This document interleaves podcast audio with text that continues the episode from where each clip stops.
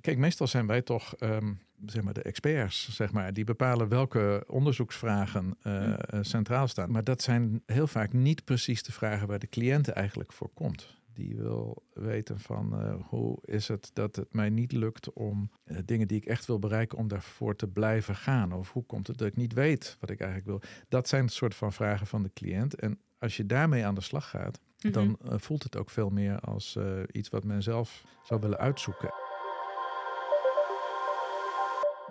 Welkom bij de Pearson Podcast. In deze podcast nemen we je mee in de wereld van diagnostiek en behandeling binnen de geestelijke gezondheidszorg. Ik ben Meerte Wildenbeest, psycholoog en productadviseur bij Pearson en ik interview professionals uit het werkveld om antwoord te geven op vele brandende vragen.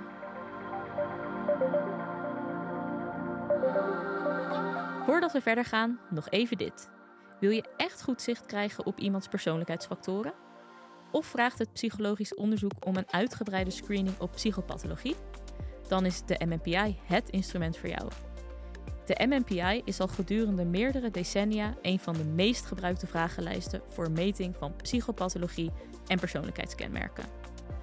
De vragenlijst kan uitstekend worden ingezet in diverse klinische settings, zoals in de GGZ, de forensische psychiatrie of bij patiënten met een eetstoornis. We hebben tevens een training over de MMPI beschikbaar. Kijk voor meer informatie op www.pearsonclinical.nl/podcast. Welkom bij deze nieuwe aflevering van de Pearson Podcast. Vandaag gaan we de volgende vraag beantwoorden, namelijk hoe breng je persoonlijkheid in kaart of hoe doe je diagnostiek naar persoonlijkheidsstoornissen? En uh, ik heb uh, hier een, iemand uh, tegenover mij zitten, dat is Jan Henk Kamphuis. Welkom, fijn dat je er bent. Dankjewel. En voor degenen die je nog niet kennen, misschien kan je jezelf even voorstellen. Ja, ik ben uh, Jan Henk Kamphuis. Ik ben uh, hoogleraar bij de Universiteit van Amsterdam bij uh, klinische psychologie. mijn leerstoel is psychodiagnostiek en persoonlijkheid. Ik moet zelf ook altijd even nadenken. en, en ik heb een kleine, misschien ook vermeldenswaard, nog een kleine aanstelling bij de Viersprong. gespecialiseerd in de, wat is het, de diagnostiek en behandeling van mensen met persoonlijkheidsproblemen. Echt met persoonlijkheidsproblemen? Ja. Oké, okay, ja. Nou, uh, goed. Fijn dat je er bent. bent. Um, ik denk uh, dat we een goede expert te pakken hebben voor deze vraag. Ik hoop het, ja. Nou, dat zal vast. Ja. Um, hè, dus de hoofdvraag die we gaan beantwoorden is eigenlijk... Ja, hoe doe je dus die diagnostiek dan juist naar persoonlijkheid of persoonlijkheidsstoornissen? En een eerste vraag die ik daarbij heb is van... Ja, wanneer besluit je eigenlijk dat er uh, reden is voor ja, onderzoek of verder onderzoek naar de persoonlijkheid... als je een cliënt tegenover je hebt zitten?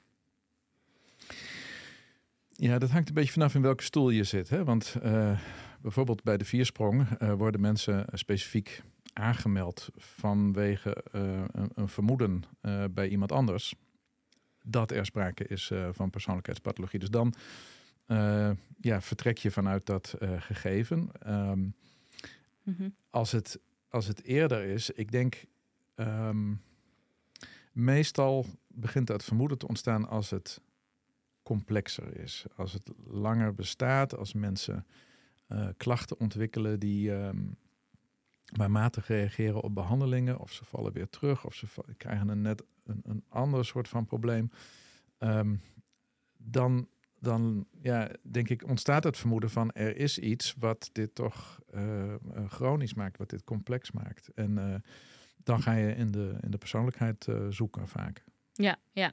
Oké, dus, dus eigenlijk is dat misschien een goede tip ook hè, aan de behandelaren. Van als je iemand hebt die al heel veel achter de rug heeft qua behandelingen, alles heeft geprobeerd, werkt niet, dan zou je eens naar de persoonlijkheid kunnen kijken. Ja. Dat is misschien het overwegen ja, waard. Ik denk dat ja. dat in de praktijk ook wel uh, zo gaat. Wel zo gaat, ja, ja precies. Ja.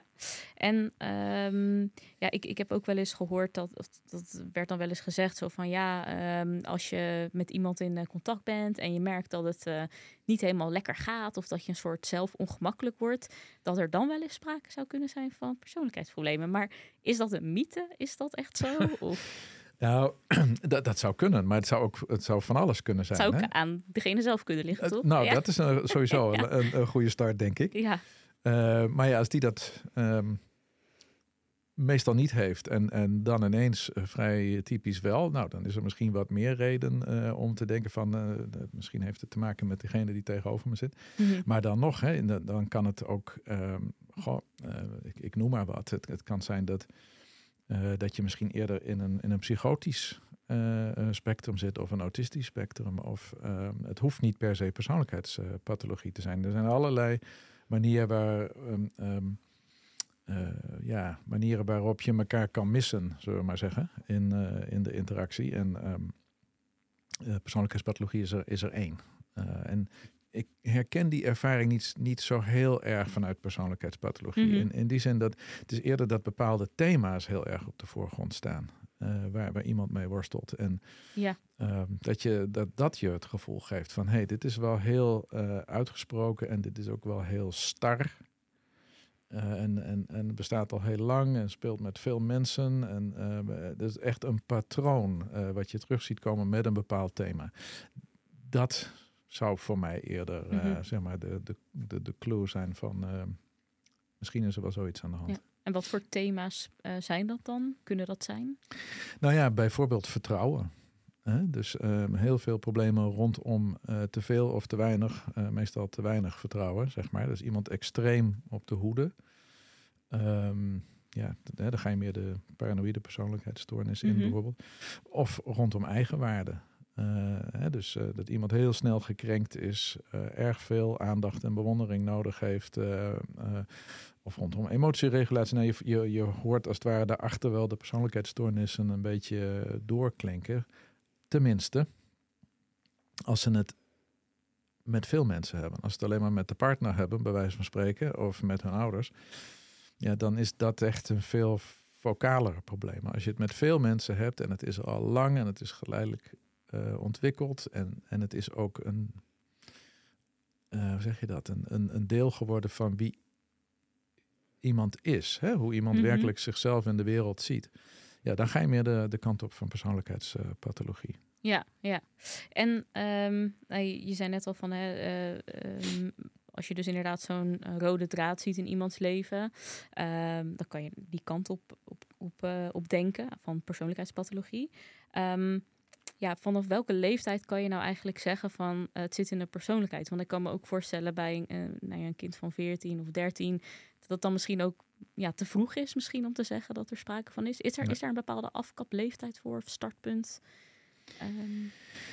Ja, dat is eigenlijk dat is vrij, eh, een vrij controversieel onderwerp, zeg maar. Oh ja? Dus je hebt aan de ene kant mensen die, um, uh, ik denk bijvoorbeeld uh, in, in, in Tilburg, Joost Hutsebout, collega van mij werkt ook bij de Viersprong. Um, uh, die legt veel de nadruk op het belang van vroegtijdige onderkenning van uh, persoonlijkheidsproblematiek uh, al in de adolescentie. Omdat je dan ook vroeg kan interveneren en ja, dus ook in kan grijpen als het allemaal nog niet zo verstart mm, is. Er zit wat in op zich. Ja, er zit absoluut. En, ja. en er is ook echt goede evidentie voor.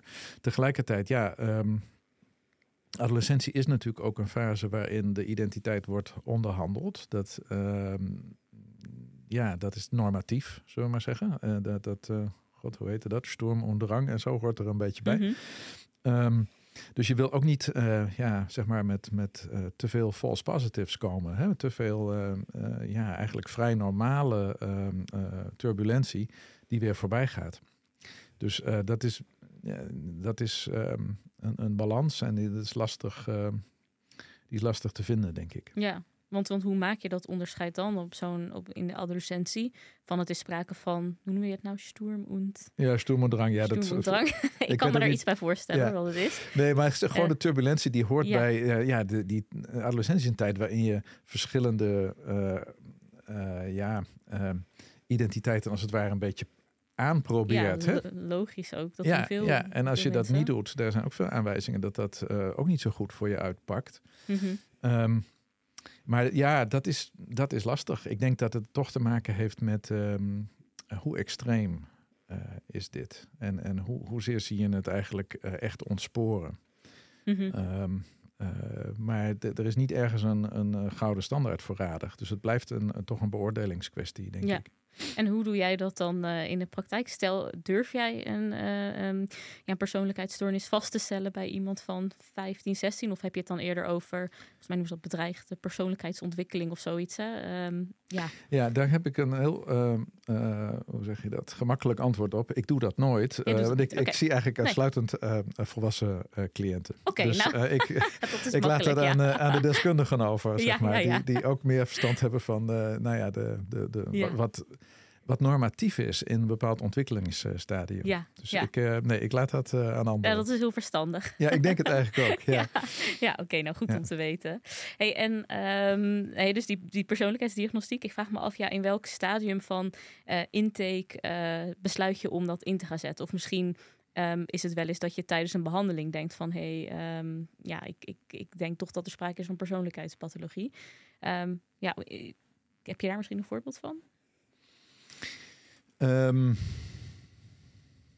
ja, ik denk dat een beetje waar we het eerder over hadden. Hè? Als, als, als een behandeling stagneert. Mm -hmm. uh, of als, um, als het toch ingewikkelder lijkt te zijn uh, dan je denkt. Dat eigenlijk zeg maar, de, de diagnose die je wellicht aan het behandelen bent, om het zo maar te zeggen, toch niet helemaal dekt wat er nou speelt. Dat er meerdere, bijvoorbeeld comorbiditeit is, hè? dat meerdere stoornissen tegelijk en dat het erg ingewikkeld is waar je nou moet beginnen en zo. Dat is vaak uh, toch het moment uh, waarop mensen behoefte hebben om, om beter te snappen van wat is nou de, uh, de, de persoonlijkheidskwetsbaarheid um, die hieronder zit. En, en um, waar, waar moeten we ons op focussen? Als, als dus daar eigenlijk on, onduidelijk, dat ja, misschien moet ik het zo zeggen, als de mm -hmm. casusconceptualisatie eigenlijk gewoon niet helemaal helder is. Okay. En, en, je wil dat um, wat fundamenteler proberen te begrijpen, dan uh, vaak gaat men richting uh, uitgebreider persoonlijkheidsonderzoek. Ja, en ik vroeg mij ook af van zij is ja de mensen die jij dan ziet, hè, die worden vaak ook doorverwezen, ja. puur omdat ze er vermoeden is op persoonlijkheidsproblematiek. Ja. Zijn die cliënten welwillend om zo'n onderzoek ja, aan te gaan of te ondergaan? Want het lijkt me ook best wel confronterend. Uh, ja, ja, Dat, zou je, dat zou je zeggen, maar dat is over het algemeen toch eigenlijk niet zo'n punt. En dat heeft ermee te maken, denk ik, dat, um, ja, dat het leven, uh, dat mensen vastlopen in hun leven. En toch gewoon geholpen willen worden. En, en uh, een, een, betere kwaliteit van leven willen. Mm -hmm. En er zijn al allerlei dingen gepasseerd. En op een gegeven moment. Um, bij veel mensen is ook wel een besef van ik doe iets in deze dingen. Um, uh, en ik wil dat beter begrijpen. En daar, ik denk dat dat ook wel een, uh, een, een, dingetje is. Um, uh, het hangt er ook heel erg vanaf hoe je dat introduceert. Mm -hmm. um, waar ik zelf veel onderzoek naar doe en, en in geloof is wat, wat wij noemen therapeutisch psychologisch onderzoek. Okay. En daar leg je het ook heel nadrukkelijk bij de cliënt neer. Van wat is het wat jij beter over jezelf zou willen leren begrijpen? Uh -huh. wat zijn de dingen waar je nieuwsgierig naar bent? Um, wat zou je misschien helpen om, om dingen anders te kunnen aanpakken? En dat worden dan de vragen van de cliënt.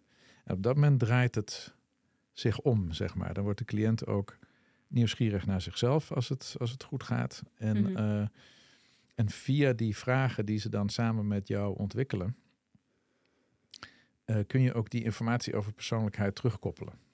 Uh, mm -hmm. Op een manier die veel beter uh, ja, te, te, accepteren is, zeg maar. Veel, veel meer klinkt als van ja, dit gaat over mij.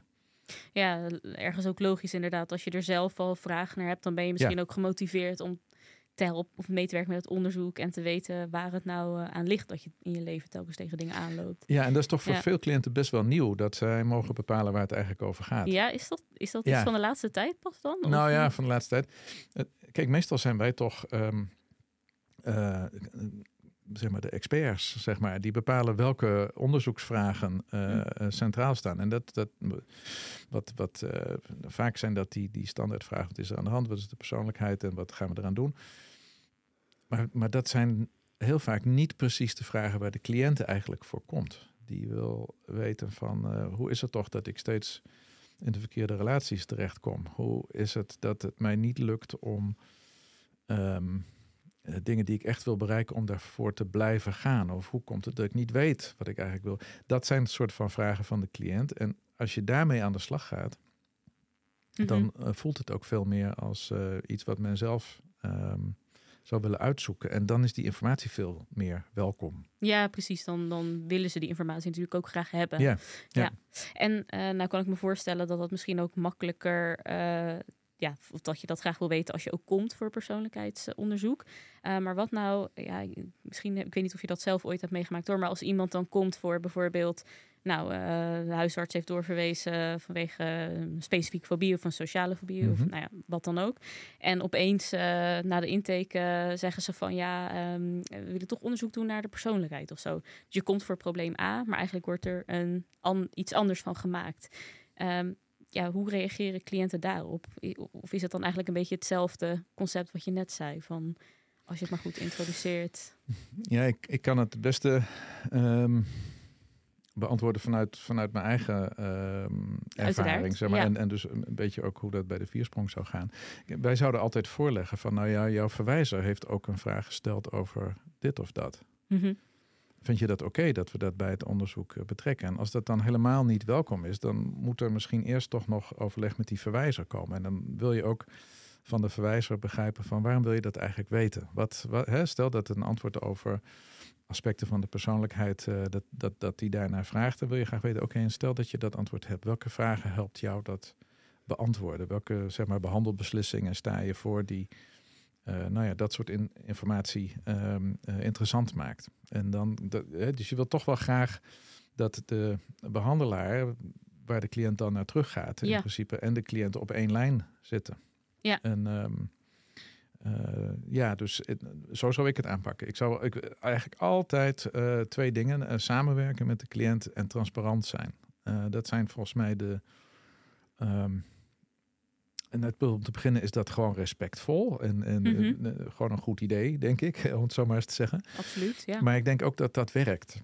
Uh, om, om de cliënt aan boord te krijgen voor zo'n psychologisch onderzoek. Ja, En dus uh, ook met bevindingen te komen waar die cliënt wat aan heeft en waar de behandelaar wat aan heeft. ja oké. Dus dat zijn twee hele belangrijke punten. Dus transparant zijn en samenwerken met, uh, met de cliënt. Ja, ja. En um, hè, dus op een gegeven moment dan ga je dus waarschijnlijk zo'n uh, psychologisch onderzoek in. Um, ja, welke hulpmiddelen gebruik jij nou vaak om um, diagnostiek te doen naar de persoonlijkheid? Het hangt van de, van de vraag af. Kijk, als, als het echt gaat om uh, uh, een, diagnostisch oordeel, als in een DSM-oordeel, ja, dan Ja. zou ik altijd eigenlijk naar een uh, gestructureerd diagnostisch uh, interview toe gaan, uh, omdat dat toch een beetje onze standaard is om, om diagnostische oordelen. Dan denk ik aan een skit of zo? ja, of, ja. ja oké. Okay, ja. ja. Um, als het, uh, als het wat uitgebreider is, uh, echt het, het, typeren van de persoonlijkheid. Ja, um, ik ben een uh, nadrukkelijk MMPI-gebruiker. Ik, Mhm. mm -hmm. ik zeg ook wel vaak van, ik zal zelf nooit een cliënt zien als ik niet een MMPI ook mag afnemen. Het is voor mij als een andere manier om jezelf aan mij bekend te maken, zeg maar. Bijna in een andere ja. taal, andere context of knowing. Mm -hmm. en, uh, en ik denk echt dat, dat mij dat helpt, omdat ik dan, ik heb mijn persoonlijke indruk, hè, als jij mijn cliënt zou zijn, zullen we maar zeggen, en mm -hmm. ik heb mijn persoonlijke indruk van jou. En die is ja, uh, vooral gebaseerd op, op, op subjectiviteit, op, op, op uh, empathie, op proberen jou te begrijpen, mentaliseren enzovoort. En daarnaast heb ik je dan op een instrument dat ik heel goed snap, heel veel uh, uh, mensen eigenlijk ook uh, op heb gezien, om het zo maar te zeggen, breng, breng ik je op één metric met andere mensen, op één noemer. Mm -hmm. um, en, en juist in het, in het vergelijken van die dingen vind je vaak um, ja, opvallendheden, zeg maar. Hey, die, die, die zag ik niet aankomen en dat heb ik in het gesprek gemist en nou ja, enzovoort.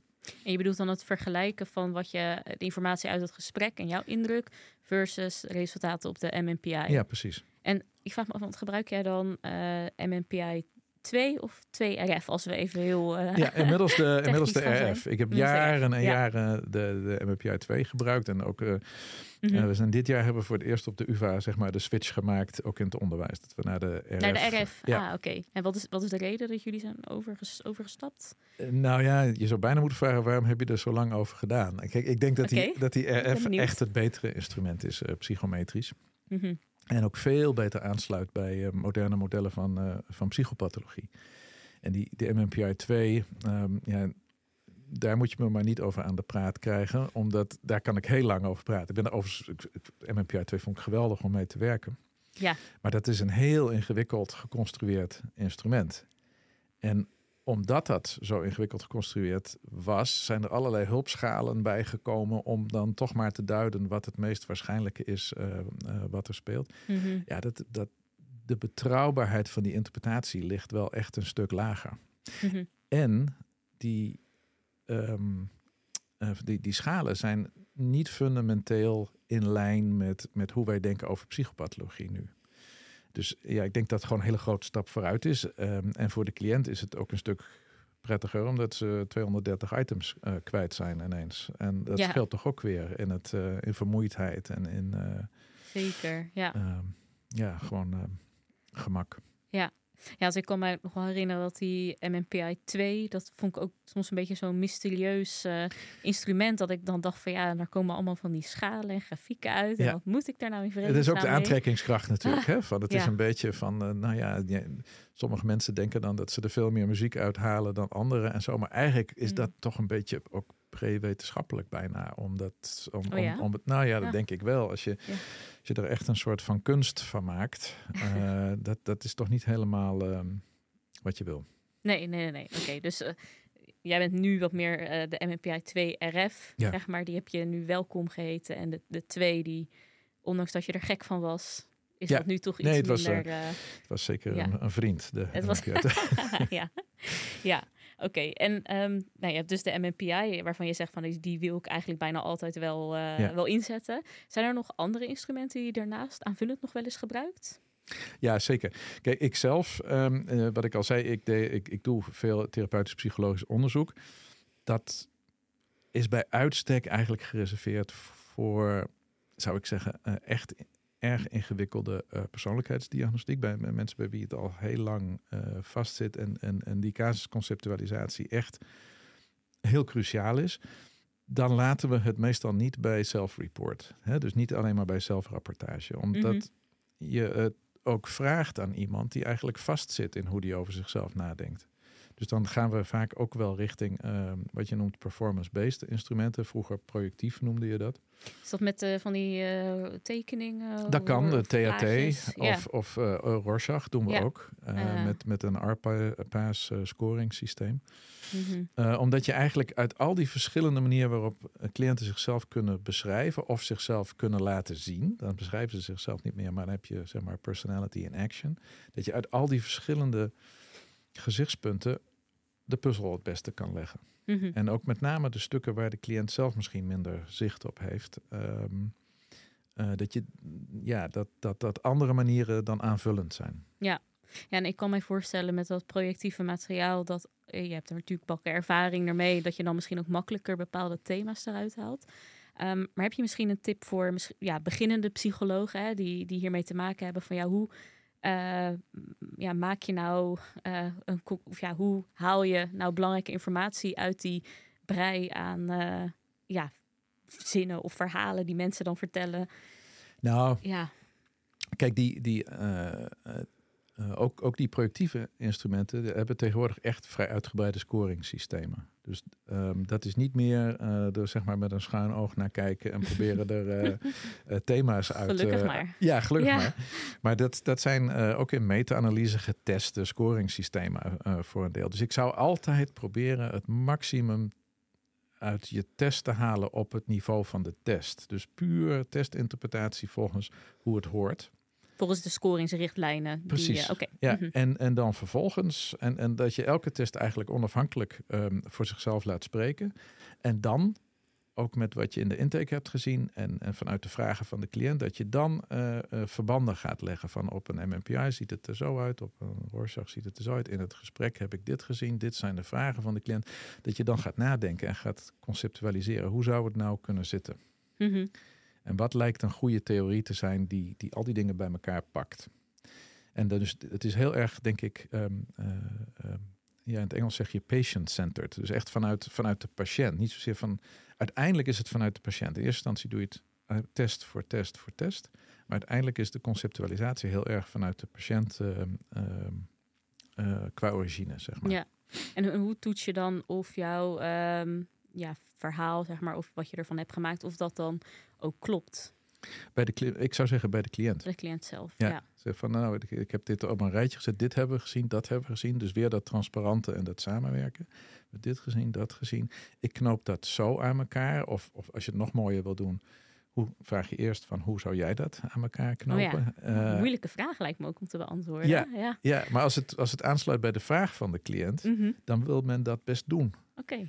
Aha. Eh, en, en, en lukt dat vaak ook echt wel. Want dan, ja, als iemand zelf die verbanden gaat leggen, is de kans dat iemand daarmee aan de slag gaat, omdat hij het gelooft en er iets mee wil, veel groter. Ja. Maar eh, zo, en dan zeg je van, nou, ik, ik zie dat zo, kan dat kloppen? En dan als iemand ja zegt, dat is niet genoeg, dan wil je toch eigenlijk ook zeggen van, nou, kun je me dan een voorbeeld geven, bijvoorbeeld waar dat inderdaad zo werkte voor jou? Mhm. Eh, en, en nou, zo eigenlijk. Ja. Nou, hartstikke mooi. Dankjewel uh, voor al je, al je tips. Ik denk dat mensen er hier uh, ja, heel veel aan hebben. Nou, leuk. Um, en ja, de tijd zit er inderdaad alweer op. Dus uh, nou, hartstikke bedankt. Nogmaals. Graag gedaan. Dankjewel. Vond je dit een interessante podcast? Volg dan ons kanaal zodat je op de hoogte blijft van nieuwe afleveringen. En deel de podcast gerust met je collega's als je hem interessant vond. Wil je een vraag insturen of jouw feedback met ons delen? Dan kan dat via pearsonclinical.nl/slash podcast. Daarnaast hebben we ook een speciale actie voor onze podcastluisteraars. En deze is te vinden op dezelfde site, dus pearsonclinical.nl/slash podcast. Tot de volgende keer.